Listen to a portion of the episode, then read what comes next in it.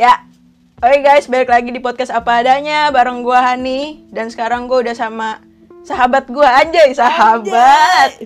Ih, jijik dah. Udah kayak KKI, sahabat. Yeay. Yeay. Eh, podcast ya. oh, Halo biar teman-teman kayak podcast. profesional gitu. Iya. Destin udah sembuh. Udah dong, aku udah kelar nih kena azab dari yang Maha Esa.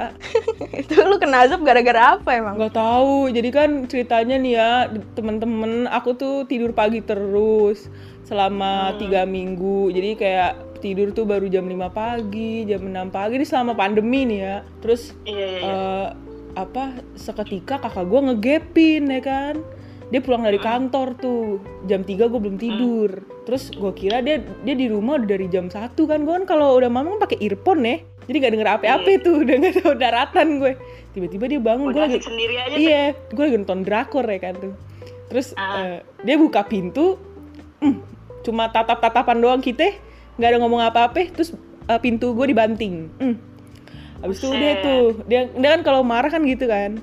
Dah pa- pa- terus besokannya eh eh, paginya kan gue baru tidur jam jam jam 5, jam-jam setengah enam ya.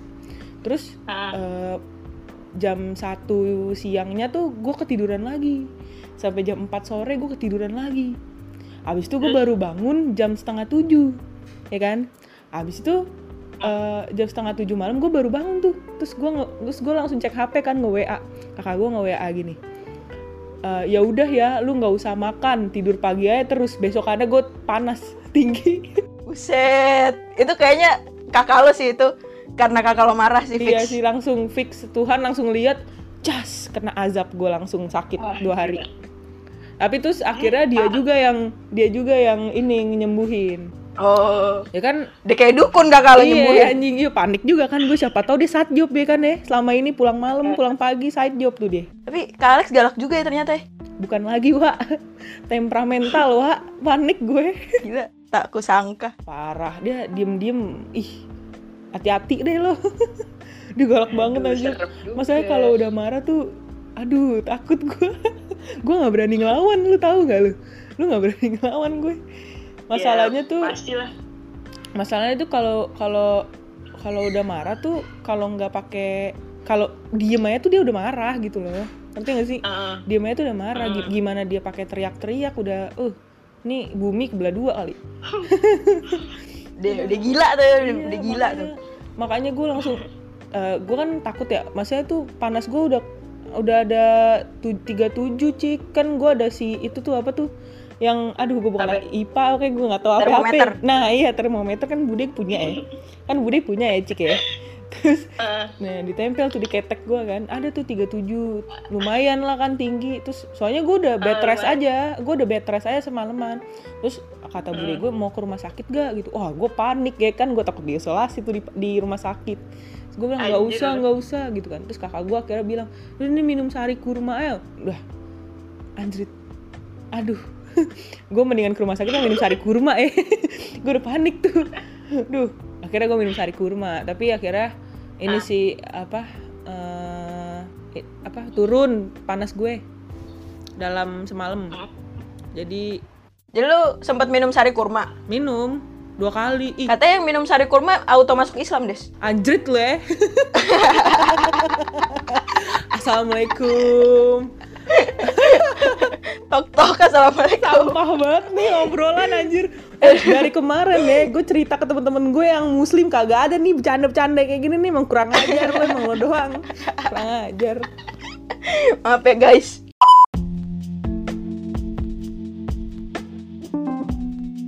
Jadi lu di rumah aja ngapain, Des?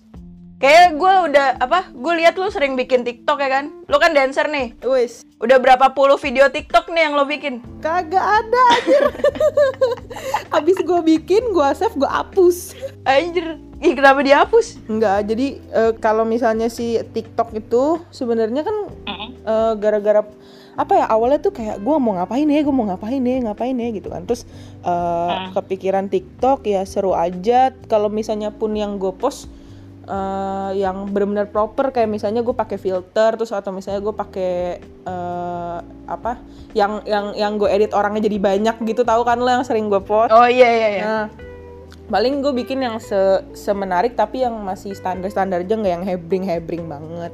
Pun pun kalau misalnya gue apal, kalau gue apal koreonya, ya gue post. Tapi kalau koreo yang bikin engep, nggak jadi dah skip anjing. Males, itu yang orang banyak yang biasanya dipakai buat ini bukan sih? Meski ku bukan, itu. bukan, bukan anjir kurang ajar. Oh salah salah. bukan, bukan, bukan. Gue kira yang itu anjir. Satu-satunya lagu Indonesia yang gue pakai buat TikTok adalah Aku suka body goyang Oh goyang mama Itu dia. muda. Itu adalah favorit guys, favorito. Gokil emang. Oh iya Des. Apa tuh? Nih selama apa? Kurang lebih setahun terakhir lah ya. Mm-mm. Kan bisa dibilang kegiatan lu tuh kayak menuntut lu lebih dewasa lah anjay, ya gak sih? Gila, padahal biasa aja. Enggak, secara lo kan udah sempat masuk ke dunia kerja nih, ya kan? Lo juga ngajar kan dari mulai apa? Ngajar pramuka sampai bantuin adik kelas di dance dan teater gitu Iya. kan. Sebenarnya uh, apa-apa aja sih yang lo dapet dari si dunia kerja ini nih? Wah, banyak sih eh, awal. Jadi eh, cerita dulu kali ya. Jadi gini guys, eh, awalnya tuh eh, pas lulus dari SMA kan gue sama Icik nih seangkatan ya kan, satu sekolah di SMA. Terus Satu SMA gitu. eh, waktu hiruk pikuknya kita untuk mengejar si perguruan tinggi negeri ini eh, dan eh, apa sam- maksudnya sama-sama berjuang gitu se- seangkatan 2019 dan itu tuh nggak terjadi sama gue ketika gue udah eh, apa mencoba di berbagai jenis universitas dan ternyata emang apa apa sih namanya jalan Tuhan nggak nggak nggak ngasih gitu loh. Jadi ya mau nggak mau ya kan gue ambil sisi positifnya aja walaupun emang waktu itu posisinya down banget gue. Tapi ya buat apa lama-lama gitu kan gue harus move on gue harus ngapain ya gue harus gerak gitu loh. Dan ketika gue kan zaman zamannya anak-anak baru keterima kayak universitas negeri kan bulan Juli itu 2019 Juli akhir ke Agustus.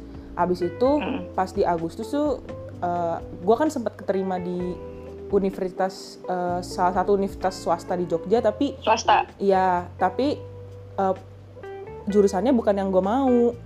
Nah, emang berarti kan emang udah kayak jalan Tuhan lah. Berarti emang gue belum dikasih kesempatan buat kuliah tahun ini. Tapi bukan jadi suatu penghalang gue untuk bi- punya pengalaman baru gitu loh. Jadi gue harus apa, gue harus apa sampai ketika gue lagi ada di Jogja, yang tadinya gue pengen cuma seminggu, sampai gue jadinya tiga minggu di Jogja, tiba-tiba eh, tawaran kerjaan untuk kerja di Strada tuh eh, ada gitu datang setelah gua coba kerja di kantor kakak gue. Yang aw- yang sama sekali nggak ngenakin. Jujur ya. Kenapa tuh? karena ya satu sisi karena gue cuma butuh untuk biar nggak gabut aja ngerti nggak sih cik? Kayak biar biar awalnya tuh kakak gue juga karena yang kayak mungkin eh, kasihan kali ngelihat gue yang down teman-teman gue udah pada kuliah terus udah pada ngurus kuliah ada yang udah masuk ada yang udah apa sih namanya ospek dan gue kayak di rumah aja. Terus kakak gue nawarin lu mau nggak kerja di kantor gue? Cuma gini gini gini doang cuma jadi asistennya dia ibaratnya gitu. Ya waktu itu sih gue ngerasa biasa aja. Gue kan orangnya kalau beradaptasi ya sebisa mungkin gue harus nyaman. Cuman di posisi di kantor itu gue nggak bisa sebut kantornya di mana ya. Jadi ibaratnya di kantor itu tuh gue kecil sendiri gitu loh yang lain tuh udah 25 tahun ke atas cik. Even kakak Iya, gue iya, aja iya, udah 29 tahun. Gue sama kakak gue beda 10 tahun setengah. Dan eh, mulai dari situ ketika si tawaran kerja di SMP gue Strada itu gue dateng ya gue nggak pakai pikir panjang. Gue langsung bilang sama nyokap gue awal September gue langsung masuk masuk kerja di situ. Dan eh apa namanya eh, seminggu tuh cuma dua kali dan digaji. Lumayan ya kan? Iya benar. dan Lumayan, lumayan banget. pas eh, udah gitu gue kerja sama temen gue juga lagi biasanya sama teman-teman teman seangkatan gue yang gue kenal. Jadi eh, kenapa juga sejarahnya gue bisa kerja di SMP gue itu karena gue ngegantiin si kakak kelas gue yang stud call ke Jerman. Terus uh, dia juga mengharapkan gue uh, untuk gantiin dia karena ya mungkin di samping teman-teman angkatan gue atau kakak-kakak kelas gue yang lain mungkin gue yang paling fleksibel di situ posisinya karena gue gap year juga terus juga gue kerja kan di kantor seminggu cuma tiga kali dan gitu waktunya pas pas banget. Gue juga nggak tahu tuh laki banget tuh gue tuh good, apa maksudnya kesempatan emas. Kantor gue senin selasa eh senin selasa kamis. Di uh. strada gue dapet rabu jumat. Pas tuh setiap hari ya kan? Sabtu minggunya yeah. gue iya. istirahat jadi gue uh, ketika gue mendapatkan pekerjaan itu lagi gue ngerasa kayak oh ya udah emang emang ini udah jalannya gitu kan. Pengalaman yang gue dapet banyak.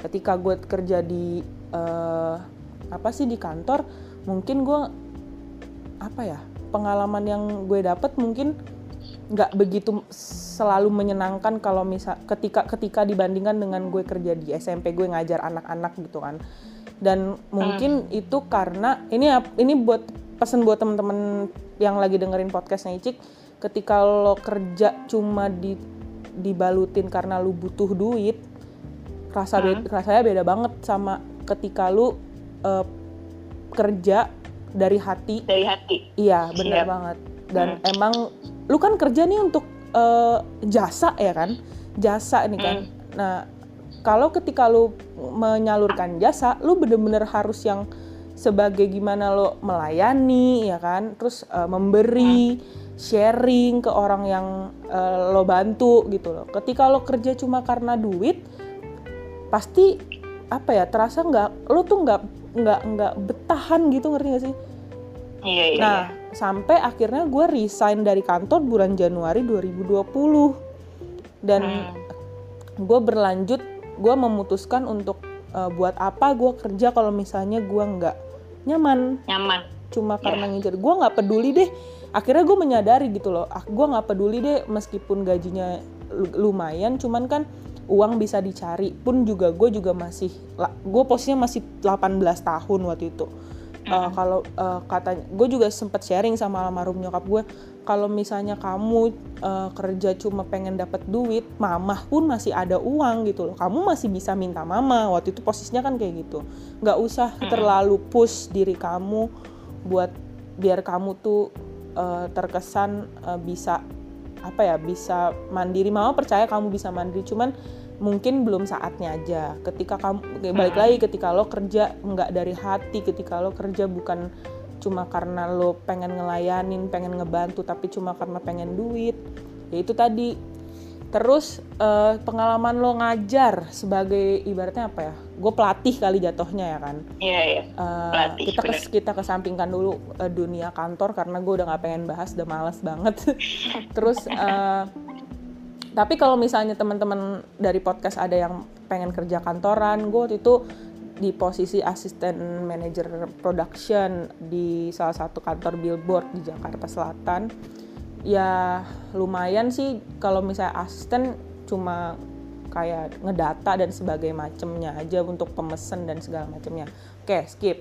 Jadi pelatih, gue selama jadi pelatih pramuka anak SMP itu cukup menguras kesabaran ya kan. Anak SMP kita beda berapa tahun ya kalau sama anak SMP? 4 kali ya, 4 sampai 5 kali ya. Uh,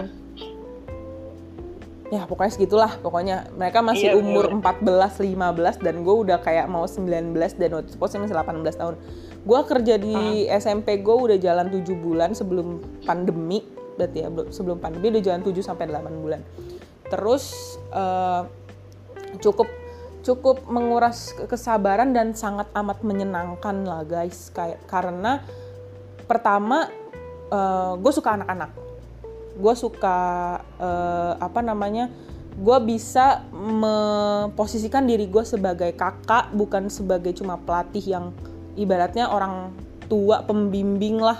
Tapi gue juga hmm. bisa memposisikan diri gue sebagai kakak ketika adik gue membutuhkan uh, eh, gue ketika mereka tuh bingung harus apa dan gue nggak cuman memposisikan diri gue sebagai pelatih dan guru saat gue mengajar tapi Hmm. gue bilang sama anak-anak gue ketika lo pengen curhat kan kehidupan anak SMP kan macem-macem ya kan gue juga pernah SMP gitu ketika lo Iya, iya. punya masalah atau ada lo permasalahan ya curhat menye-menye gue bersedia kok untuk kalian jadiin eh, apa namanya pundak kalau misalnya kalian mau ngeluh mau mau cerita apa segala macem. Jadi sharing juga kehidupan misalnya mereka suka nanya kan kak kehidupan anak SMA gimana sih? Gua sharing.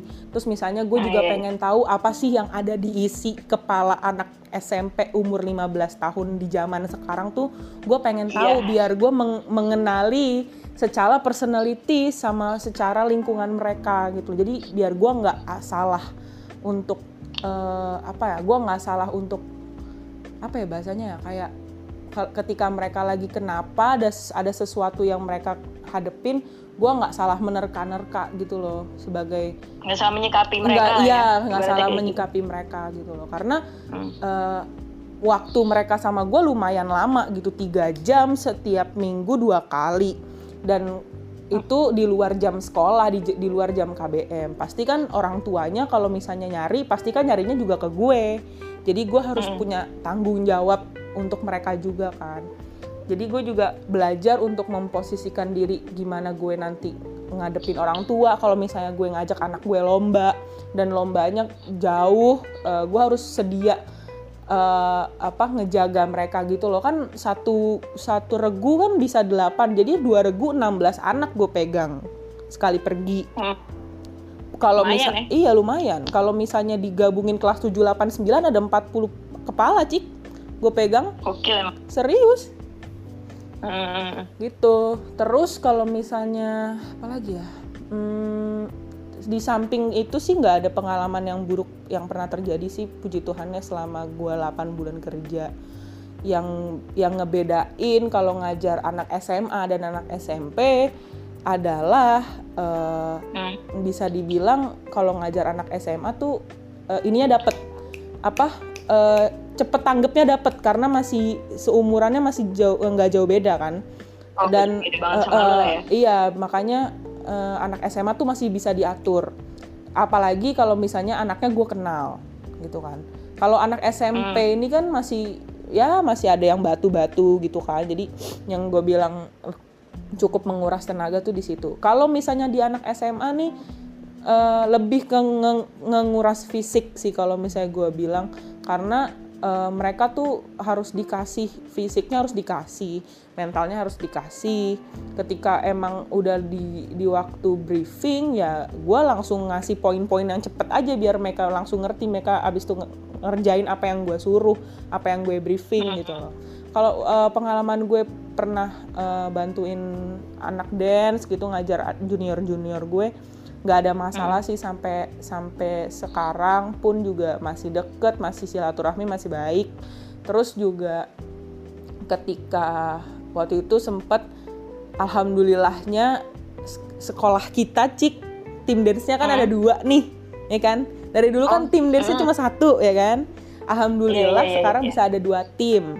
Dan Finally. uh, uh, uh, finally. Dan uh, waktu itu udah sempet performan di sekolah juga. Tapi paniknya tuh waktu itu uh, tiba-tiba mereka disuruh perform. Tapi uh, koreo mereka dari pelatih belum selesai. Panik gak lo jadi gue sebagai senior akhirnya Bingung mas. Mm-mm, Nah, mau nggak mau gue bilang sama mereka lo mau nggak pakai koreo gue biar kita kita cuma punya waktu dua minggu waktu itu dan itu latihan Hmm. cuma Senin sama Kamis tapi Gokil. setelah seminggu gue ditambahin gue lupa jadi waktu itu jadi hari apa aja terus gue kerja Korea gue kasih cuma cuma tiga tiga koreo biar cepet jadi cuma ya sedapatnya yang penting lu perform kasih yang terbaik dan akhirnya gue nonton juga waktu mereka da- da- mereka perform gue gue datang terus gue lihat juga ya not bad lah eh, untuk eh, apa performan pertama kali untuk tim baru gitu.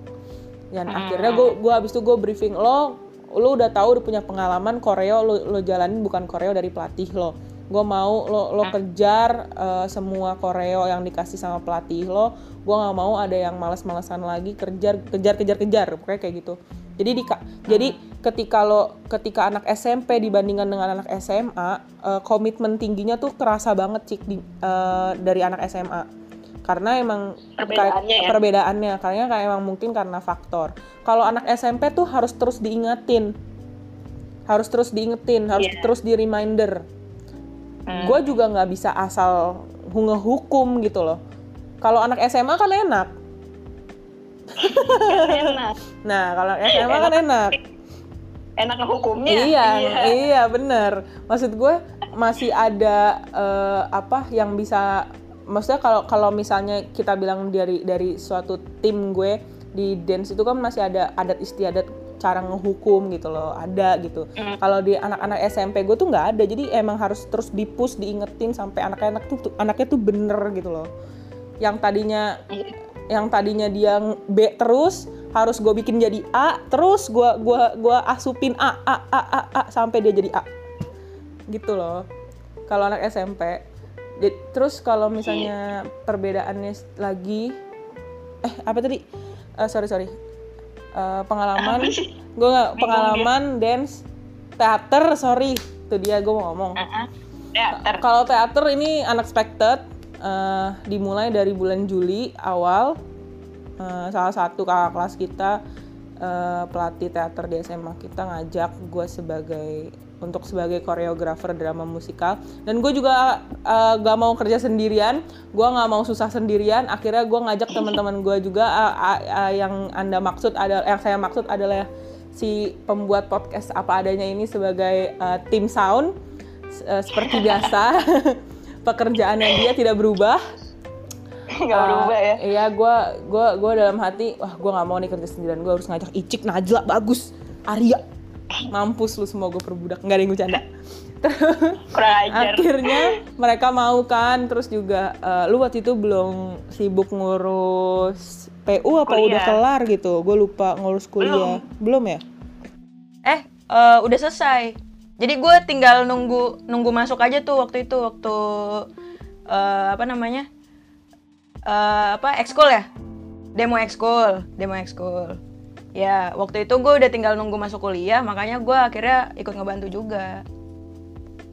eh seneng rasanya kalau misalnya eh, ini gue bercanda ya sama yang tadi perbudak perbudak maksudnya gue gue kita temenan juga udah lama terus kita juga apa apa bareng jadi eh, nggak nggak ada salahnya kalau misalnya gue sharing eh, pekerjaan ini bareng sama teman-teman gue lagi yang yang seperti kita lakukan setahun sebelumnya ketika kita masih jadi siswa dan sekarang kita jadi alumni terus ngelihat Siap. perkembangan ya kan ngeliat perkembangan anak-anak udah gitu kan ekskul kan di digabung-gabungin tuh 17 ekskul kita garap 17 Iya, benar. ekskul dijadiin satu drama terus kita kerjain bareng ya gue ngerasanya seru aja gitu. Jadi eh, kita jadi ketemu jadi kita ada alasan buat ketemu gitu loh cik. Eh, Iya, iya, seba- sebagai kita satu satu grup. Terus juga kalau misalnya sharing juga kita tahu ah, dari perspektif lo perspektif Najla perspektif gue. Ada masukan-masukan dari yang lain. Jadi kita pada tahu nih ra- runnernya mau ke mana nih si eh, apa konsep drama ini dan eh, cukup cukup menyenangkan sih eh, apa namanya mengajar anak-anak teater karena gue bukan lahir dari dunia teater nih pertama. Terus eh eh nggak apa-apa sebut nama orangnya aja kali ya. Nggak apa nggak apa Oh, apa?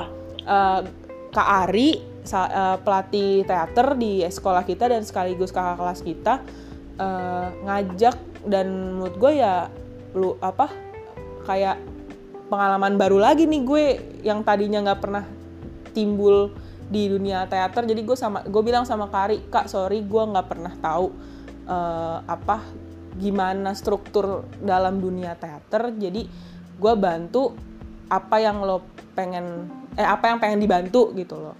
Dan eh, ketika oh nggak deh iya des nggak apa-apa eh, nanti lo pegang untuk koreografernya aja ya untuk koreografi di drama dan eh, koreo apa dan blocking blocking pas segala macem. Nanti kalau misalnya ada yang nggak enak lo lo coba pikirin yang enak gimana looknya biar enak. Ya akhirnya gue bantu terus juga eh, apa lu apa namanya? Gue lupa kan mau ngomong apa. Jadi saling kenal sama anak teater yang tadinya gua nggak kenal terus juga jadi deket jadi cukup deket sama anak-anak barunya sampai si anak baru yang kelas 10-nya masuk ke teater terus juga Hmm. gue sempet nemenin mereka latihan teater untuk lomba-lomba sampai menang bantu-bantu yang bisa gue bantu kayak make up atau segala macem nemenin ke mana gitu gue gue temenin ya eh, pengalamannya seru banget ya salah satu unexpected moment yang gak pernah terpikiran sama gue untuk kerja bareng sama uh, teater sekolah sih. Wal i- uh, even kita kenal banyak teman-teman teater di dalamnya kayak kayak kakak kelas kita kayak Tiara, Kak Urip kayak gitu-gitu kan. Jadi ya Iya, iya, iya. salah satu momen menyenangkan sih di 2019 kemarin sampai 2020 Iya sih bener ini. sih. Gue juga merasa terkesan sih sebenarnya pada saat itu ya kayak Jadi punya keluarga baru ya kan, punya teman-teman Iya, bener. baru.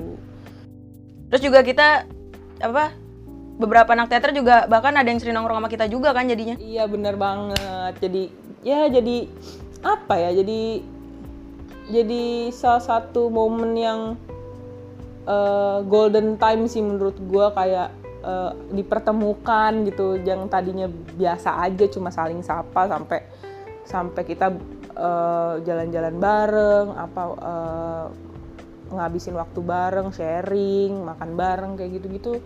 Menurut gua Hmm. menurut gue momen yang sangat amat ini sih uh, unexpected di tahun kemarin dan di tahun aw- di awal tahun ini. Terus eh, apa jadi punya ngerasa jadi punya kakak baru kak Ari kak Iman kak Uma. Iya, seneng bener sih gue jadi jadi ngerasa jadi ada yang tambah care sama kita kayak gitu gitu sih. Seru Iya, iya, seru, iya. seru banget. Nih ba- eh, apa balik lagi nih. Tadi kan lo sempat ngebahas waktu gimana rasanya waktu lo nggak keterima PTN kayak gitu-gitu kan. Eh, itu eh, kan pasti kalau orang-orang yang nggak keterima PTN pada saat itu atau bahkan nanti itu biasanya kan eh, kadang dia nggak mereka merasa jadi nggak pede gitu ya. Mm-mm. Jadi kurang percaya diri bahkan ada yang sampai menjauhkan diri dari teman-temannya. Walaupun mereka ini sebenarnya kuliah cuman di swasta gitu. Cuman karena dia nggak kuliah negeri, tapi mereka bener-bener yang kayak minder nih. Mm-mm. Nah, lo ada masukan nggak buat mereka-mereka yang minder gitu, nggak pede buat join lagi sama teman-temannya kayak gitu? ada banget ada banget gue Gimana gimana?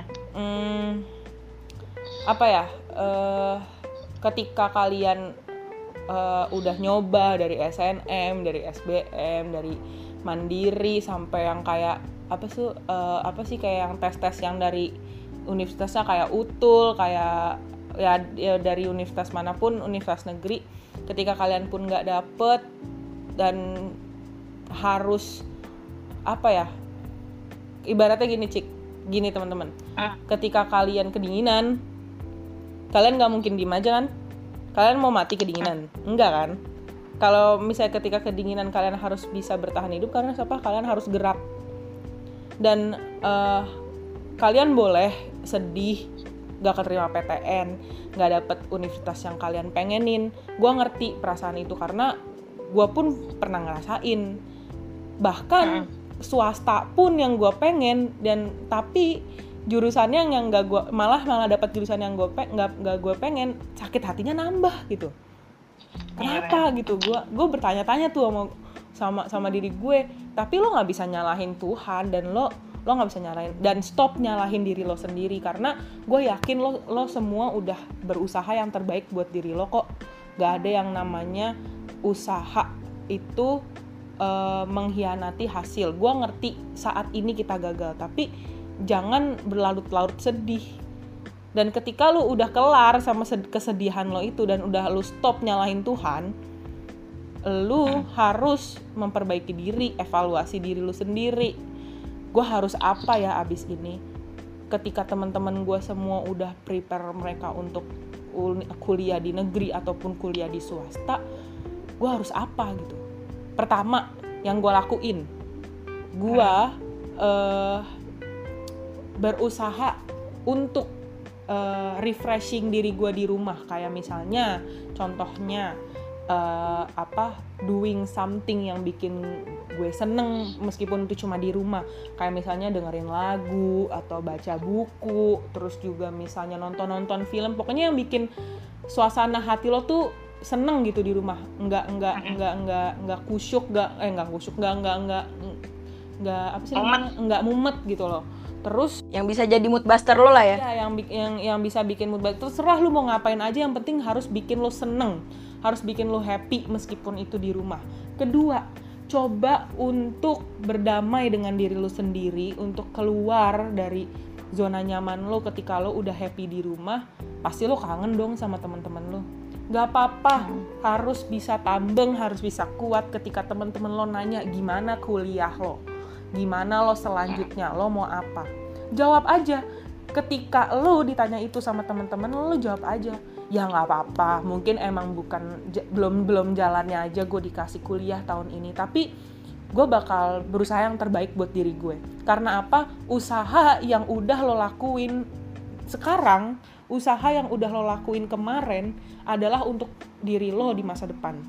Dan Bener banget. dan ketika lo eh, dan ketika teman-teman lo mencoba untuk mencari celah untuk ngejudge lo lo harus kuat. Akar lo harus kuat pertama ketika lo pengen keluar dan keluar dari zona nyaman dan kita ketika lo udah berusaha untuk berdamai dengan diri lo sendiri jangan lupa lo atur plan untuk diri lo sendiri. Untuk untuk untuk apa nih selanjutnya? Gue harus ngapain?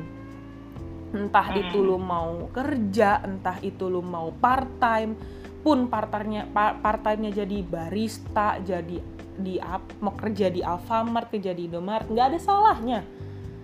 Itu untuk pengalaman lo gitu loh segimana lo but apa segimana kebutuhan lo untuk lo hidup.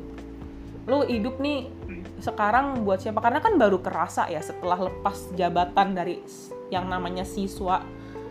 Iya setelah eh, lo 12 tahun belajar eh, terus sekarang baru kerasa banget nginjek dunia baru.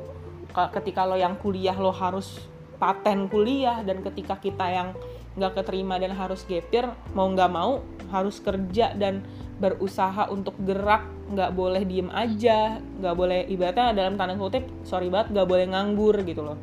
Karena kalau Hmm. nganggur lu cuma buang-buang waktu doang gue bilangin deh.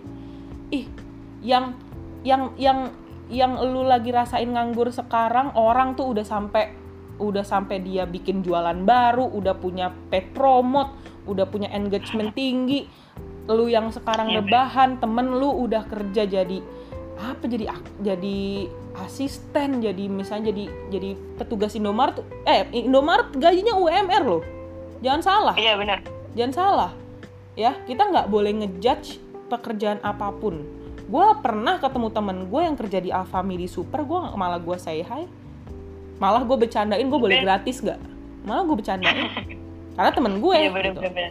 terus Iya, iya, iya. eh, apa kal- pun kalau misalnya ketika lo lagi kumpul ketika lo udah berhasil untuk mencoba cheer up diri lo dan mencoba untuk eh, hang out lagi sama teman-teman lo ya kalau misalnya bisa dibilang temen ya ya pasti dia nggak bakal ngejat sih bener nggak sih? Hmm, kalau misalnya dia temen ya kan? Kalau misalnya dia sahabat karib se- sehati sejiwa nih kan ya?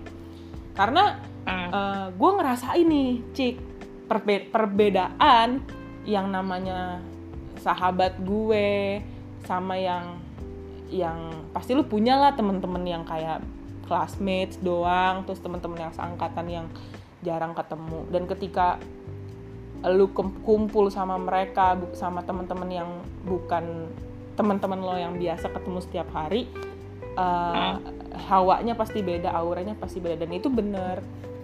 Sampai Hmm. gue pernah dapat pertanyaan hah seorang Destin gap year loh emangnya kenapa gue gap year gitu kan. Itu gue juga tadi sempet mau nanyain kayak itu gimana sih perasaan lu pas orang-orang nanya kayak "Eh, Destin nih?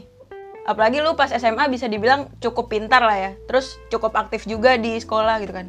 Pasti banyak banget yang mempertanyakan Des kok lu gap year?" gitu loh.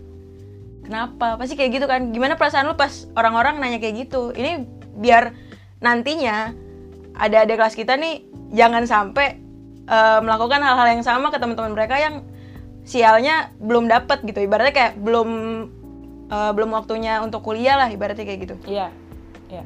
Oke, eh, bisa dibilang eh, ketika gue dapat pertanyaan itu dari temen gue, ya gak apa-apa lah sebetulnya dia temen. Eh, eh, Aduh. Ketika ditanya perasaan ya sakit hati lah.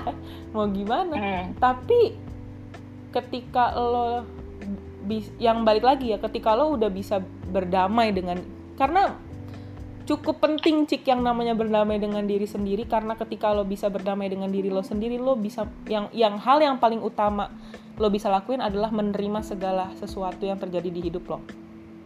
Kegagalan ke nggak nggak nggak apa nggak nggak sukses dalam suatu hal lo bisa menerima itu dan bi- lo bisa apa ya cepet selesai dari ma- dari dari masa-masa kesedihan. Dan ketika lo dan eh dan ketika gue dapat pertanyaan seperti itu ya gue jawab aja emangnya kenapa? Bener gak gue? Nggak ada Bener, yang bener, salah bener. kok yang nama dengan yang namanya gap year bisa dibilang kalau misalnya lo peng- punya jawaban yang lebih baik ya gue bilang eh, gap year adalah waktu istirahat gue setelah gue 12 tahun eh, belajar. Belajar. Hmm. dan dan di gap year gue nggak nganggur kok.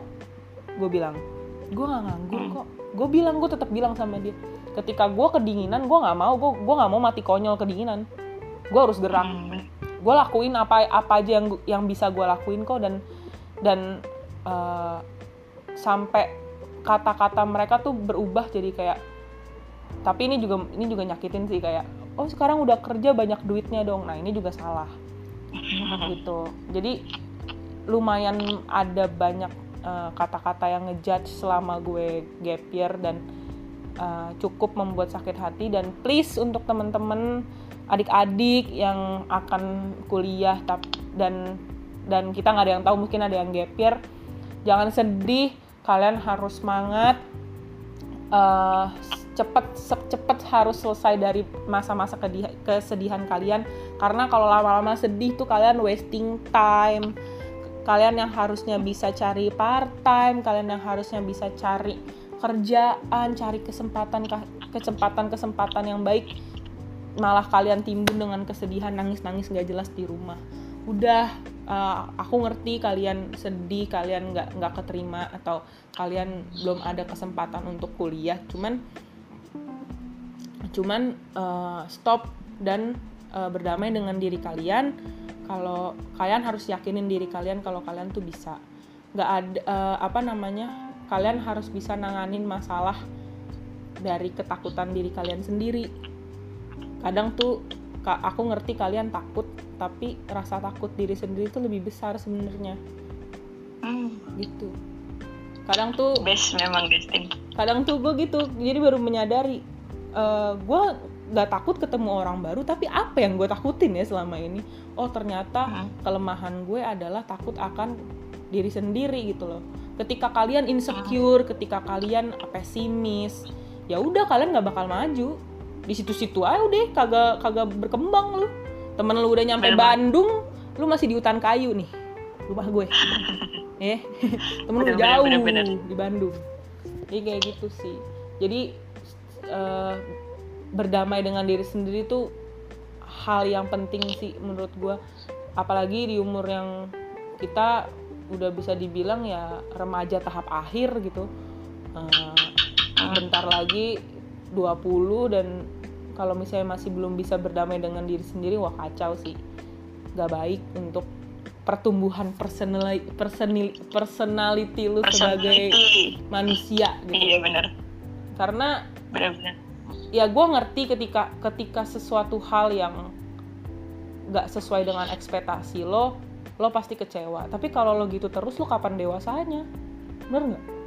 Ya, bener banget, ya kan gitu bener banget. Gue setuju banget, ya setuju banget. expect nothing expect nothing appreciate everything lo udah Hmm. lo udah lo udah usaha sam untuk diri lo sendiri lo harus lo harus bahagia dengan usaha lo itu meskipun seminim apa pun usaha lo yang yang pasti lo harus udah yang pasti lo udah yang apa sih lo udah berani coba tuh udah baik gitu loh. Lo udah bagus karena Bener. udah berani coba.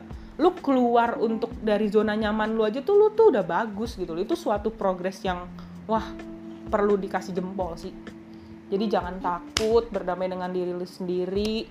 Eh, cari kebahagiaan lo di mana sering-sering sharing sama orang tua lo deketin lagi sama uh, relasi lo dengan keluarga. Apalagi di masa pandemi ini kan tiap hari ke muke emak bapak lo kakak adik lo kan ketemu nih kan ya. Nah Bener, lu bener, tanya tuh jangan kerjaan lu main game aja di kamar nonton drakor ya di kamar ya kan? Aduh jangan gitu dong gue merasa nih nonton drakor mulai kan. gue juga sih Netflix kan aja lu di rumah ya kan? Nah tanya deh tuh sama orang tua gue meskipun kadang emang orang tua tuh masih mungkin masih bengal masih stand by by by perspektif mereka karena kamu harus kuliah di sini kamu pokoknya harus kuliah di mama nggak mau tahu kayak gitu gitu tapi coba Hmm, pelan iya ngomong sama mama papa. Ma pa yang kuliah kan aku. Yang Kasih pengertian. iya kasih pengertian. Pelan pelan gak usah. Emang harus diturunin egonya ya guys. Ngomong sama orang tua tuh bahasa ngomong sama siapa ya? Ngomong sama BK kali ya harus harus eh, sabar hatinya tuh harus dingin kepala dingin jadi enak gitu ngomong sama meskipun mama papanya tuh di apa mama papa lu tuh pada tinggi tinggi nah lu tuh harus sabar. Karena kalau nggak Iya, kalau semua tinggi ya nggak nggak bakal ketemu solusinya. Ya gue setuju sih. Soalnya kayak tadi juga lu sempat bilang lu eh, ketika lu mengerjakan sesuatu dengan hati sama dengan niat yang lain itu bakal beda banget kan. Kayak ketika lu mengerjakan sesuatu dengan paksaan which is itu dipaksa orang tua lu itu bakal beda banget sama lu ngelakuin itu dengan hati lu, dengan kemauan lu kayak gitu. betul Jadi menurut gue ketika lu eh, istirahat eh, setelah SMA atau sekarang nih ada di kelas yang lagi eh, masih bingung nyari jurusan dan segala macem masih nyari-nyari. Eh, kalau menurut gue mending kalian bener-bener yang yakin gitu. Lo suka nggak? Lo bakal suka nggak sama jurusan itu? Jangan sampai kayak lo milih itu cuman karena temen betul. atau karena tuntutan orang tua. Bener banget bener banget. Anjir ya gue nggak nerima alasan gue pengen ke jurusan itu karena dia ada temen gue di sana. Gue gebukin lu pade ya nih nih ngomongin masa depan lu bukan ngomongin masa depan temen lu astaga gue benci banget. Gue ngerti lu udah sahabat sekarib sejiwa se apa pun lah ya. Tapi please Uh. jangan egois. Apalagi untuk egois untuk diri lo sendiri dan lu pengen enaknya doang ada barengannya karena ada temen lu. Eh gue kasih tahu nih ya lu nanti ketika lu kuliah bareng sama temen lu jangan berharap-harap deh lu tuh dia sama temen lu kalau misalnya lu bisa diajak kerja sama deh tuh sama dia. Atau dia yang bekerja sama sama lu. Kagak bakal. Mas kalau misalnya kan banyak tuh teman-teman ada yang bilang senior senior bilang kalau udah kuliah ya sendiri sendiri Iya benar. bener gak gue kerja juga Bener, begitu. staff-staff lain eh, karyawan-karyawan lain nggak ada yang peduli sama kerjaan gue nggak ada yang peduli sama umur gue. Gue harus standby ma- standby kaki gue sendiri. Meskipun gue punya nama ada kakak gue nggak ada yang peduli gitu loh. Itu. perbedaan antara pas kita masih sekolah sama kita setelah sekolah ya itu emang benar-benar berasa sih. Ayo lalu lu semua jangan pada egois. Cuma karena biar ketemu sama temen lu biar enak biar ada temennya jangan deh. Gue saranin lo harus berani untuk beradaptasi di lingkungan baru. Lo, lo pada harus siap untuk ketemu orang-orang baru ketemu ketemu lingkungan baru. Jangan pengennya di situ-situ terus karena karena ada temen apalagi alasannya tuh karena ada temen ah ih pengen gue uh pengen gue jitak anjir Emang lu doang yang pengen bareng sama temen lu ya? Gue juga pengen anjir biar ada biar ada temennya, tapi kan kita nggak bisa kayak gitu. Ketika Iya, gue ngerasa ketika kita lulus dari SMA yang tadinya ketemu setiap hari nongkrong tiap hari dan akhirnya lulus dan dan udah bukan siswa lagi, gue ngerasa ki- kita tuh semua punya panggung masing-masing akhirnya. Dan ketika kita punya panggung masing-masing, show must go on dan pertunjukan lo tetap harus jalan. Nggak peduli pertunjukan orang lain. Tetap harus fighting. Lo berjuang untuk diri lo sendiri untuk panggung lo sendiri. Jangan lu malah ngerik panggung orang lain lo digebukin lo mau. Lu jangan ngikut-ngikut doang lah ya? Iya, jangan ngikut-ngikut doang. Jangan deh kalau misalnya lu kalau kalau misalnya kalian emang harus emang bener sih yang yang namanya ini rencana A, B, C sampai Z tuh lo harus punya. Dari kemungkinan terbaik sampai kemungkinan terburuk, terpojok tuh lo harus punya. Hmm. ya guys jangan sampai jangan kalian boleh yakin sama rencana kalian tapi tetap harus punya kemungkinan kemungkinan kita nggak ada yang tahu yang namanya hidup ya lu boleh punya rencana tapi kalau Tuhan bilang enggak mau apa lu mau lu ngelawan Hmm. Tuhan kan kagak ya kan? Mau kena ajab. Kan enggak nah gitu. Jadi yakin sama diri kalian sendiri kalau kalian bisa. Boleh. Boleh itu. Kalian yakin sama diri kalian sendiri. Ketika kalian bikin Hmm. plan plan A kalian mau ngapain? Terus kalau misalnya ngerasa tapi takutnya ada ini. Bikin plan B sampai terus jangan males lu bikin rencana buat masa depan lu. Masa depan lu di tangan lu sendiri. Kagak di tangan orang tua lu kagak di tangan siapa kagak di tangan pacar lu tangan lu sendiri. Masalah lu yang harus yang harus bisa ngatasin. Belajar mengatasi masalah lu sendiri. Gitu. Jangan bergantung sama orang lain. nah betul banget. Lu mati sendiri wa Mm-mm. tuh Ini ngomong-ngomong apa? Bergantung sama orang lain, sama temen ya kan. Dulu kan waktu SMA pasti eh, nggak cuma SMA lah ya, SMP atau pokoknya teman-teman yang dulu pas lo lagi sekolah lah. Mhm. Kan lu banyak nih kenal atau teman kelas lu atau eh, siapa pun itu, adik kelas dan segala macam. Terus setelah lulus, lu kan pasti eh, jarang banget ketemu nih kan. iya Terus kayak jadi ada apa sih? Ibaratnya jarak lah ya sama mereka-mereka yang eh, jarang ketemu, nggak kayak kita nih yang masih rutin ketemu ya kan? iya pe bosen gue tapi sekarang kangen banget. I miss you Icik. Oh my god. Aku ah parah banget. Kita ditinggalin ke UK cik. Mereka boleh keluar kita nggak boleh. Enggak itu nggak boleh sih sebenarnya. mereka yang bandel itu. tapi rencana bukber kita jadi guys Eh, kayaknya enggak ya seminggu lagi lebaran nih soalnya. Mohon maaf. Bener, percuma ya aduh nggak kerasa guys seminggu lagi terus terus lanjut Eh, iya. Jadi eh, apa sih kayak pasti ada rasa canggung nggak sih sama teman-teman lo yang dulu gitu? wah ada sih Hmm. wah ada sih parah tapi tuh kalau misalnya dibandingin kayak tem- nih ya eh, teman-teman SMP gue yang cewek-cewek nih kan kita ada satu grup kadang tuh gue nggak pengen ngeganggu mereka gitu loh saking saking takut mereka sibuk. Mungkin ada yang kelas online masih ada yang ngurus tryout tryout teman gue kan masih ada yang SMA terus eh, mungkin sibuk dengan keluarganya kan kita nggak ada yang tahu. Jadi gue memutuskan untuk antar lagi antar lagi. Tapi untuk teman-teman yang eh, emang jarang ketemu dari zaman sekolah tuh ada juga. Kadang tuh yang apa ya bahkan di sosial media aja kalau mau reply story gue kayak yang reply gak ya? Reply gak ya? Ragu ya. kayak ragu lah nggak usah lah. Gue akhirnya memutuskan untuk mengurangi sos- sosial media juga sih selama pandemi ini karena isinya itu itu doang cik. Gue sampai bosen main Instagram tau nggak lo? Kadang tuh ya udah pindahnya ke Twitter terus ke Twitter. Sampai Hmm.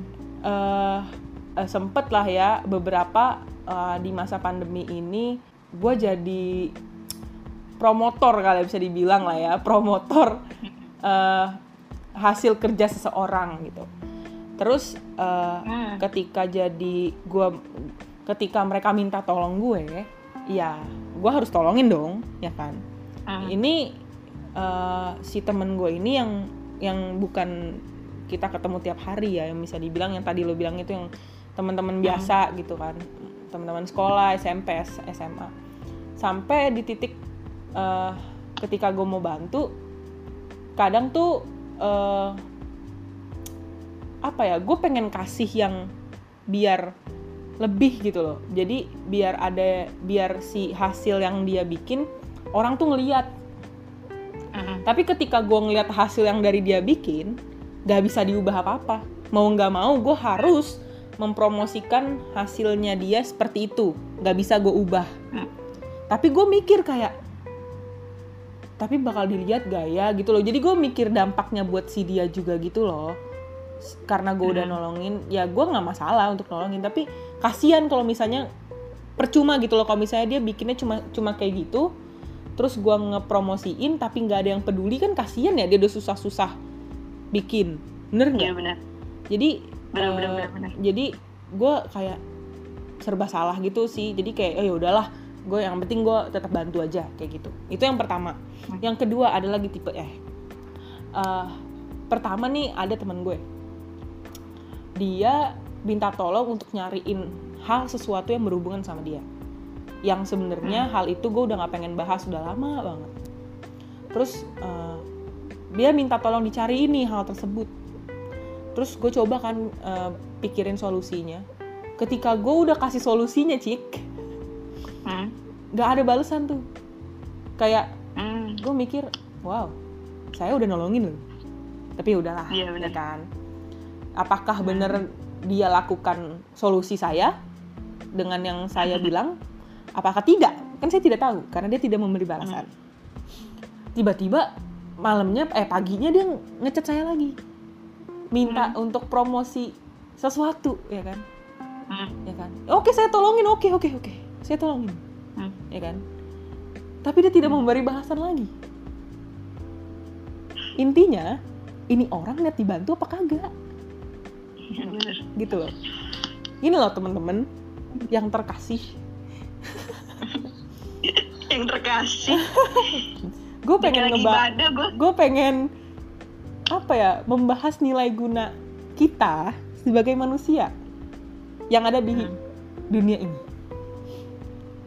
Gue pengen ngasih tahu ya, ketika kalian punya temen sahabat dari lahir, dari zigot lu sahabatan ya kan, atau baru yang se- setahun atau beberapa bulan lu temenan atau dua tahun tiga tahun, tapi terasa udah dekat ataupun biasa aja temen relasi dia de- lu dengan dia biasa aja temen biasa tetap harus ada yang namanya saling menghargai dan saling menghormati ya teman-teman sedekat atau seenggak deketnya lo dengan dia tetap harus ada yang namanya kita saling menghargai dan saling menghormati.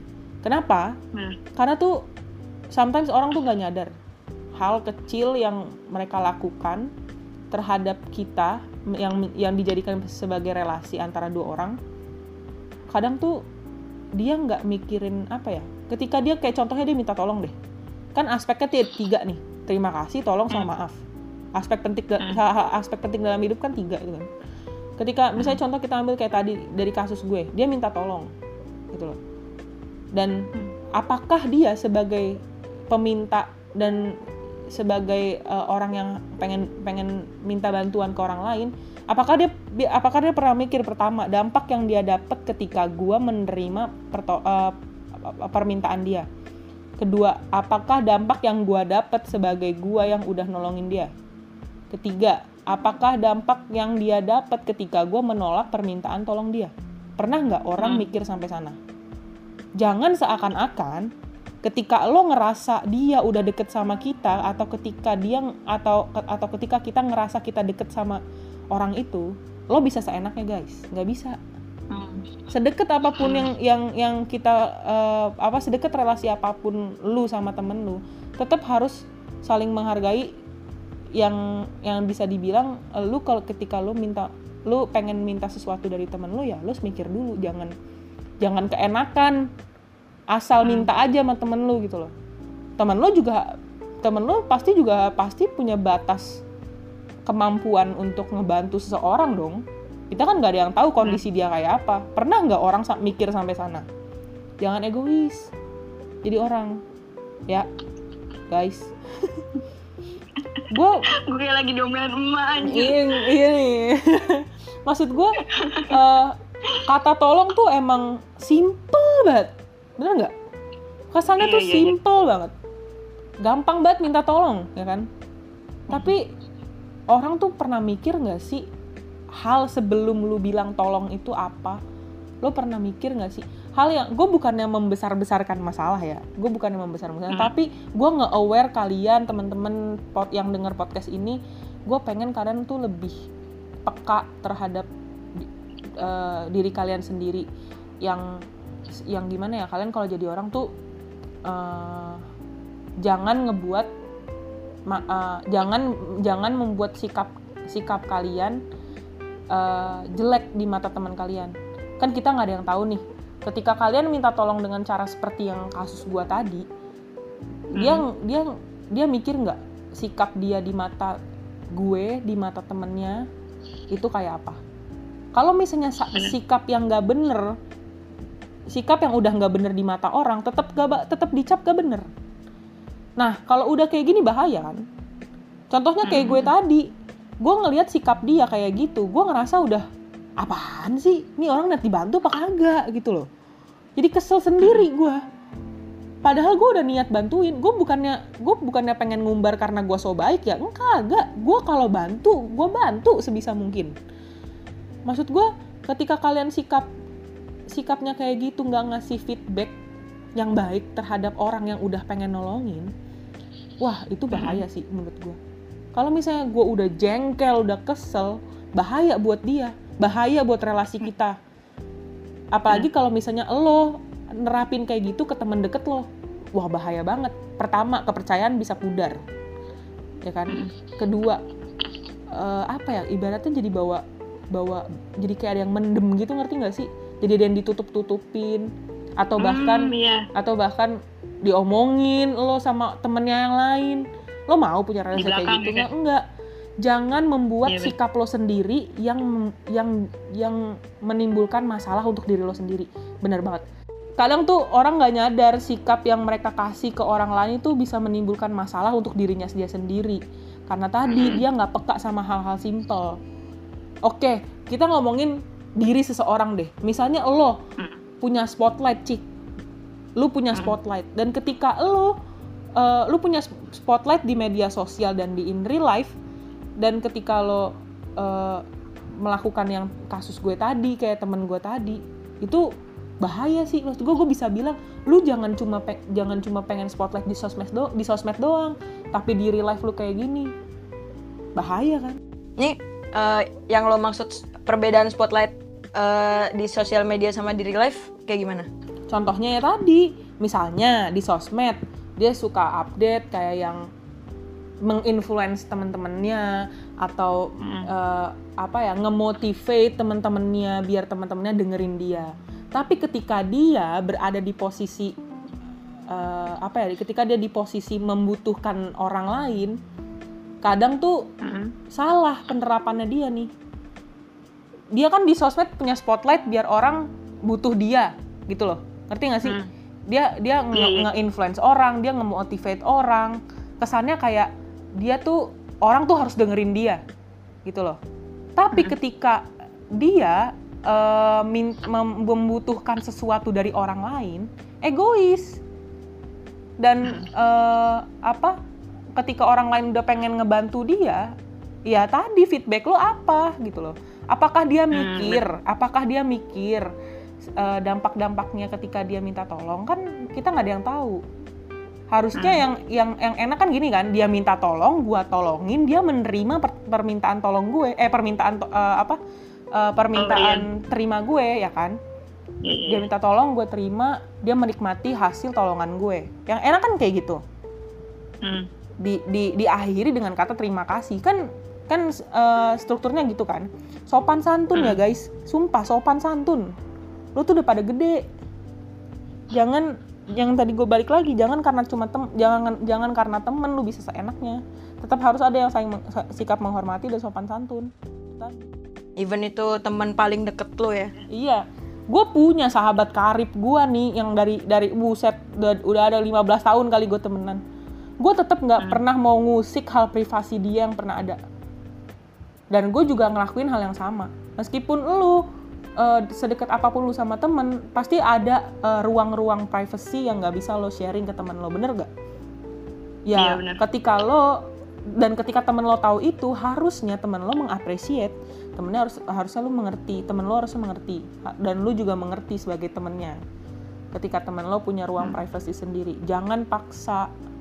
Dan karena jangan seakan-akan kayak gue kan teman deket lo. Nggak bisa. Nggak bisa jangan egois gue bilang ya. Jangan egois.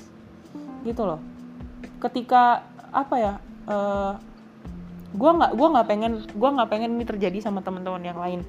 Karena eh, hal kecil yang bisa dibilang aspek penting dalam hidup tadi tolong maaf dan terima kasih kadang tuh orang suka lupa gitu loh.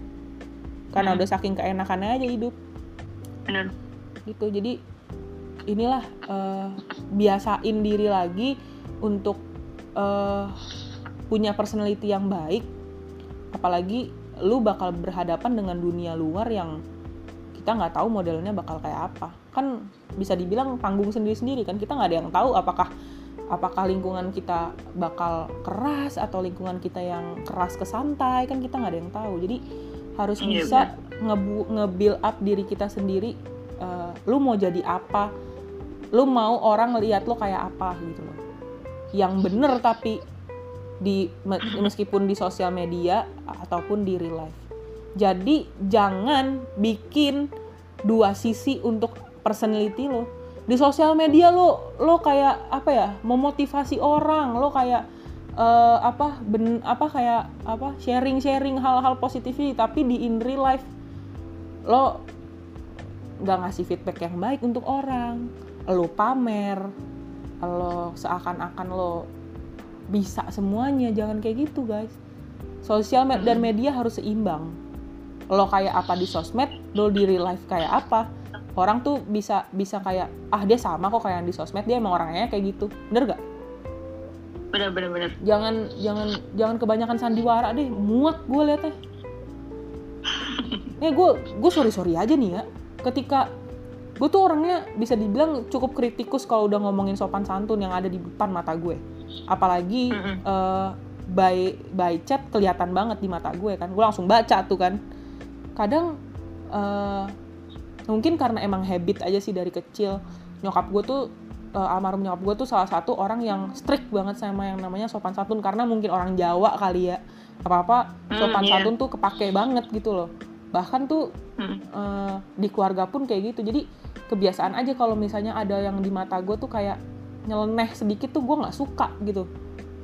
Kadang tuh eh, eh, orang yang kalau misalnya minta apa gitu sama gue terus dia cuma jawab iya oke aja gue bilang gini aja sama-sama ya. Kesel nggak lo?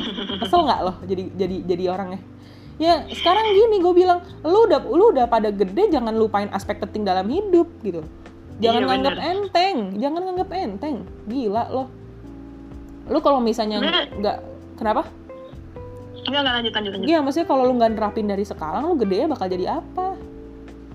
Kalau kalau ngentengin hal yang kecil, sekecil permintaan maaf, permintaan tolong dan kata terima kasih, bener nggak? Hmm, bener Eh, jangan deh. Kenapa tadi cik? Iya sebenarnya singkatnya sih eh, kita harus saling menghargai ya balik lagi. Iya, baru. Saling menghargai. Tadi lu udah bilang juga kan kita harus saling menghargai karena eh, kalau lo mau dihargain ya lo harus ngeha- ngehargain orang gitu. Betul banget. Bet Jangan lo cuman ceramahin orang di sosmed ya kan biar orang menghargai lu tapi lu nggak bisa menghargain orang. banget, bener banget, bener banget. 2 juta rupiah, tetet. 2 juta rupiah anjir. Sebenarnya simpelnya kayak tadi yang lo ceritain juga balas chat gitu kan. Sebenarnya ini pasti sering banget terjadi di zaman sekarang ya. Di zaman sekarang ini sering banget terjadi mungkin eh, dengan dalih gengsi dan segala macam. Ah, iya, Misalnya? iya. Ya, misalnya gini, gua eh, chatan nih sama lo. Mm. Terus kayak eh, apa namanya? Mungkin gue merasa udah pembahasannya udah nggak terlalu gimana-gimana, tapi sebenarnya lu bu- masih butuh feedback dari gue. Mm, mm, mm. Tapi gue masih, eh tapi gue udah merasa itu nggak penting gitu. Mm, mm, mm, mm. Akhirnya gue nggak balas lu, Mm, mm. dan gue merasa itu biasa aja. Tapi di- ternyata di sisi lain lo ngerasa itu kayak anjir apaan sih nih orang gitu. Nah, iya. Wah, nggak suka tuh Iya. gue sama orang kayak gitu. Iya, sebenarnya Eh, kalau yang sekarang, eh, kalau menurut gue ya lumayan banyak sih yang kayak gitu. Ya iya nggak sih sebenarnya kayak eh, banyak nih orang-orang yang biasanya eh, lo chatan, terus kayak chat lo nggak dirit lagi atau gimana gitu, Oh, oh, oh, oh. atau dan segala macam. Jadi eh, orang-orang itu menyepelekan suatu hal yang menurut dia nggak penting, padahal belum tentu menurut orang itu nggak penting gitu. Iya bener banget. Jangan kayak gitu ya guys. Gue gua terapin lagi lu pada jangan pada egois dah. Udah gede, ya. Astaga. iya, tapi sebenarnya eh, tanpa gue sadarin mungkin gue juga pernah kayak gitu ya gitu kan kadang gue juga eh, misalnya gue lagi chatan nih sama teman gue atau sama teman lama gue gitu kan Mm-mm. terus kayak chat chat chat chat chat dan segala macem Mm-mm. terus gue ngerjain sesuatu hal yang lain nih tiba-tiba apa pokoknya gue lupa lah kalau gue chatan sama si teman gue ini Mm-mm. nah pas gue buka sosmed lagi itu mungkin setelah berapa jam atau bahkan berapa hari kalau gue nonton drakor ya terus kayak pas gue buka sosmed lagi gue baru kayak oh ya kemarin gue belum balas chat dia anjir gitu kan Heeh. Nah kadang dalam diri gue pun gue merasa nggak enak gitu. Nah mungkin kalau misalnya dilihat eh, kalau misalnya eh, dari kasus lo kita mau positive thinking eh, positifnya ya mungkin dia lupa balas tapi kalau dia lupa balas kayak nggak mungkin dia bi- bisa minta tolong lagi yang baru gitu nggak sih? bener bener banget bener banget Tapi sebenarnya kalau lo lupa balas chat temen lo ya lo bilang aja lo lupa balas sih. Kalau ada temen lo kan dia pasti memaklumi. bener-bener kalau enggak gini eh, kita lihat dulu siapa yang kita chatin misalnya contohnya eh, kita punya temen terus kita minta tolong nih eh, dia mau nolongin tapi kita tahu latar belakang dia tuh misalnya dia eh, pekerja event atau misalnya emang dia pembuat konten. Jadi kan kita juga harus menghargai waktu yang dia punya untuk konten-konten dia. Jadi kayak mungkin dia memprioritaskan itu gitu loh. Jadi kita juga harus mengerti. Kan kita udah kita udah mau minta tolong gitu loh. Jadi uh, jangan jangan berharap lebih gitu loh ketika lo uh, tahu temen lo tuh sibuknya naujubillah min jalik gitu kan. Dan yang lo bilang bener. Uh, kalau misalnya pun lupa bales ya uh, gak ada hak untuk marah sih menurut gua untuk jadi temen lo. Maksudnya saling saling memaklumi aja waktu masing-masing. Apalagi kalau misalnya lo chatan dengan temen lama gitu kan. Mungkin rasa gengsi ada gitu. Apalagi kalau misalnya contohnya dia lawan jenis gitu kan wa ya. Takutnya kan gimana gimana gitu kan. Jadi kalau misalnya pun emang alasannya lu jujur kalau jujur eh, ini beda ya jujur sama menghindari ya. Kalau menghindari kan beda beda konteks ya. Eh, kalau emang lu eh, lu ada kerjaan lain yang emang harus diprioritaskan ya kenapa enggak? Bilang aja eh sorry gua kemarin ada kelas online atau apa jadi lupa bales. Jadi gimana kemarin kemarin gitu. Jadi kemarin sampai mana? Kayak gitu. Kalau misalnya menghindari ya beda konteks. Ya apa dulu nih yang dibahas nih? Kenapa lo menghindari chat dia? Gitu apa yang membuat lo nggak nyaman dengan dengan dia dan akhirnya lo nggak pengen bales itu kan beda lagi pertanyaannya. Apakah dia toksik apakah dia freak? Apakah dia nyebelin? Beda lagi gitu. Anjir. kalau kalau udah kayak gitu tuh urusan masing-masing sih cik. Yang pasti tetap dilandasin sikap lo aja gimana menyi- untuk menyikapi orang tersebut gitu. Intinya kalau misalnya lo mau dibaikin sama orang ya lo harus ngebaikin orang lain lah ya. Iya, jadi spread spread positivity deh, jangan apalagi di masa pandemi nih udah banyak banget hal negatif ya kan. Gue udah empet banget nih. Beritanya udah makin macem-macem. Iya lo sumpah. Lo ngomongin lagi ya. Gue eh, lihat apa namanya yang di bandara tuh. Eh, Oke. astaga Tuhan Yesus, ya Allah sampai nyebut gak tuh gue. Gue udah sampai ya Allah, sabar. Gue rasanya kalau udah di bandara pengen gue ludahin orang-orang. Uh. Uh, banget. Itu parah banget sih menurut gue. Wah, gue gue nggak expect sih bakal kayak gitu banget gitu. Ih, kenapa sih pada bengal-bengal banget orang Jakarta? Gue kesel banget, Cik. Udah bilang jangan pulang kampung, lupa deh. Ih, Makanya. tahan dulu apa di Tapi, rumah? gue juga pengen pulang oh, kampung. ini kan- Kemarin lo dengerin podcast gue yang ngebahas Mac di Sarina kan? Nah. Nah, terus gue tadi sempat lihat ada salah satu berita yang ngomong kalau ternyata Mac di Sarina kena denda 10 juta kalau nggak salah. Ya iyalah, Gara-gara bikin kerumunan. kan bisa ya dari pihak McD-nya diliput gitu kan ya. Gua ngerti zaman emak bapak lo dulu McD Sarina pertama di Jakarta, eh di Indonesia apa di Jakarta? Di Indonesia. Indonesia terus McD Sarina, zaman emak bapak lo pacaran di sini nih gua ngerti. Tapi ya mbok lihat situasi gitu loh. Kita kan ini lagi pada dikerumunin virus nih kan nih corona. Lu jangan pada dibikin bercanda. Jangan cuma pada karena sosmed, lu pengen insta story. Nih lihat nih McD Sarina tutup ya. Eh, gua kasih tahu ya, Sarina tuh lagi mau dibangun. Jadi tuh McD bisa di build, di build up lagi. Lu jangan pada kayak aduh Tuhan Yesus gua udah sabar banget. Gue yakin nih pasti Satpol PP dibayar. Nih cuma karena ada duit nih, tapi dia kagak peduli sama virus. Ih, biarin aja lo pada mati konyol depan Sarinah deh tuh. Anjir. gedek banget cik gue gedek banget lu tau gedek tau nggak lu tau gedeknya gue nggak lu baca tuh di twitter Iya, iya, iya. astaga Tuhan ya Allah Bapak ah gue ngerti ya kan Eh. Sarina tuh eh eh empat banget gue kalau udah ngebahas Sarina tau nggak lo astaga Berarti lu empat juga nih sama apa? Kan lagi rame juga tuh. Eh, selebgram apa youtuber sih? youtuber. Yang ya. Iya. Yang dia bangga kalau dia eh ini. Dia bangga dia nggak pakai masker dia nggak pakai ini dan segala macem. Nah, itu menurut lo gimana tuh? Gue rasanya pengen unsubscribe bisa gak sih anjrit? Astaga. Gue tahu tuh konten-kontennya dia tuh gue subscribe deh. Ih. Hmm. ah, katanya lakinya ke Sarina juga ya? Gue nggak tahu sih sebenarnya Ka- ah, soalnya gue liat di Twitter kayak pasangan suami istri terbodoh sorry sorry ya ini ya di di post Anjir. tuh eh, fotonya katanya si, si si suaminya ada konten ke Sarina apa gimana gitu terus si ceweknya yang Hmm. podcast itu tuh yang yang, yang lagi booming sekarang Oh, iya, iya. jadi Ah. kayak terus eh, katanya eh, di ini kan masa gimana ya bahkan sampai Joko Anwarnya tuh speak up wah astagfirullahaladzim Gila ya. Joko Anwar sutradara Gundala anjur. Anjir. Gila yang menurut gue nih orang. jangan gila sampai. Ernest Prakasa speak up nih. Kalau udah Ernest Prakasa speak up gua gua nggak tahu lagi anjing. Gua nggak tahu lagi Pak. parah. Parah. Gila sih emang. Gue juga gue nggak ngerti loh. Maksudnya dia kenapa ngomong kayak gitu anjir? Gua nggak ngerti. Bahkan sampai bintang Emonnya tuh empet banget. Gue kan follow tuh ya di Twitter ya si bintang Emon tuh Gue kan lihat dia empet banget ya kan terus uus sampai dia body body apa tuh? Body sharing. Nyebut namanya. Di di di retweet sama si uus. Gokil ya? Iya.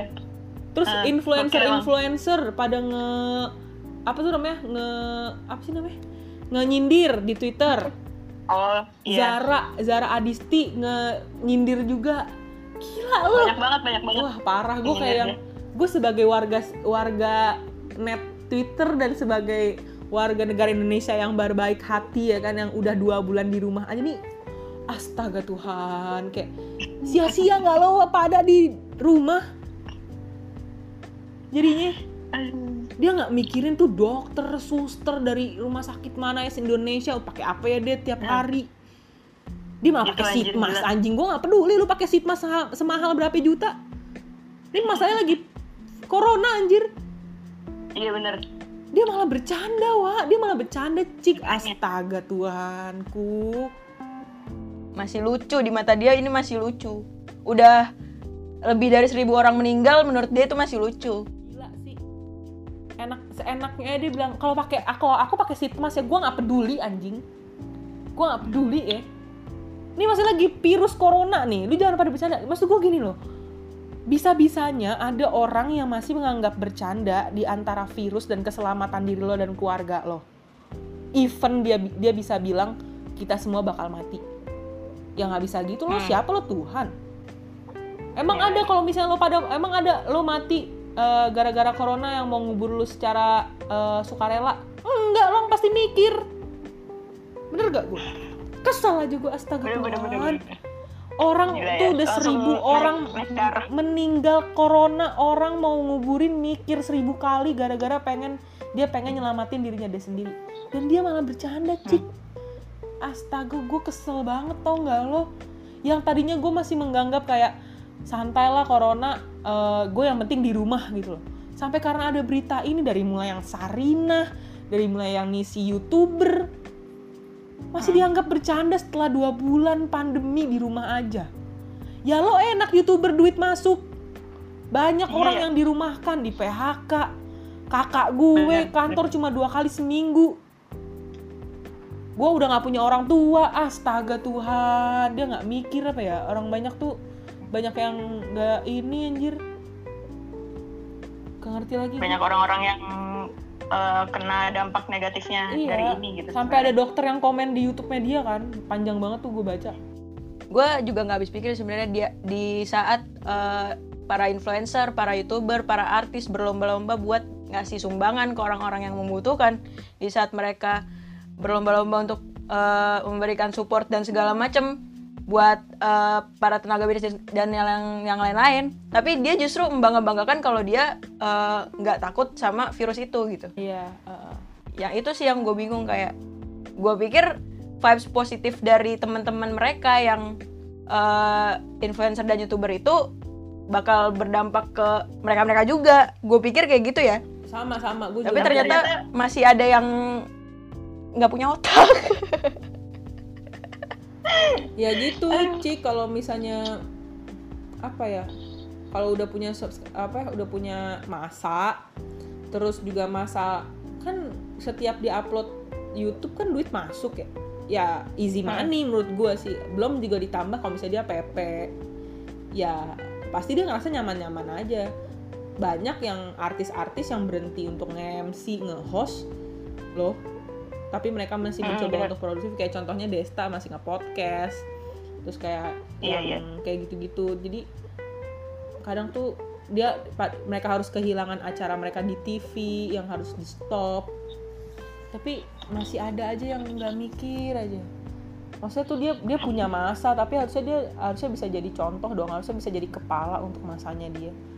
Gua nggak ngerti lagi tuh kenapa?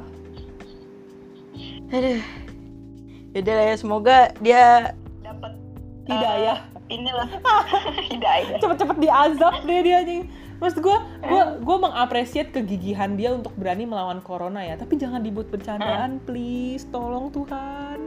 Gue capek banget. bahaya emang sih kalau bercandanya keterlaluan bisa menyinggung orang lain juga kan Corona cuy, jadi bercanda. Astagfirullah. Gila eh Cik ya. Ada ya di pandemi ini. Gokil emang nih nggak berasa ya kita ngobrol lama juga nih Oh iya ya, kayak teleponan aja kita udah.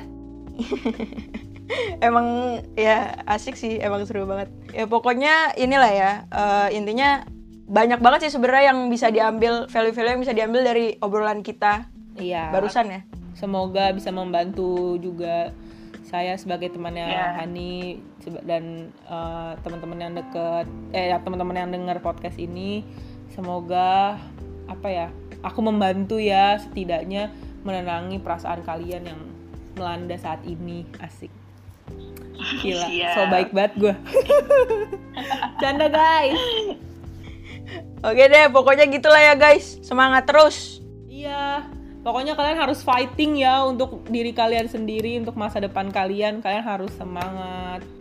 Oh iya, jangan lupa saling support, oke? Kalau kalian Support mau bisa bisa dibilang kalau misalnya kalian pengen eh, berdampak untuk orang lain, yang harus kalian lakuin adalah prepare yourself, eh, evaluasi diri, briefingin diri, eh, be yourself dan bisa dibilang kayak ngaca gitu. Jadi eh, biar lo tuh eh, apa ya, ketika lo pengen berdampak untuk orang lain, lo yakin dan orang itu bisa apa ya, eh, bisa narik ada yang bisa dipelajari dari diri lo. Gitu. Jadi harus spread pos- positivity ya guys. Jangan banyak Siap. sandiwara sandiwara belaka dusta. Kau jadi orang. Jangan ada dusta di antara kita. Oke deh thank you ya Destin sama-sama. Sorry kalau banyak marah-marah ya ini kezuzuran yang ada di hati gue ya teman-teman. Sorry banget tapi sama-sama Icik semoga membantu. Sukses untuk podcastmu. Siap. Thank you yang udah dengerin juga. Ya udah gitu aja guys. Bye bye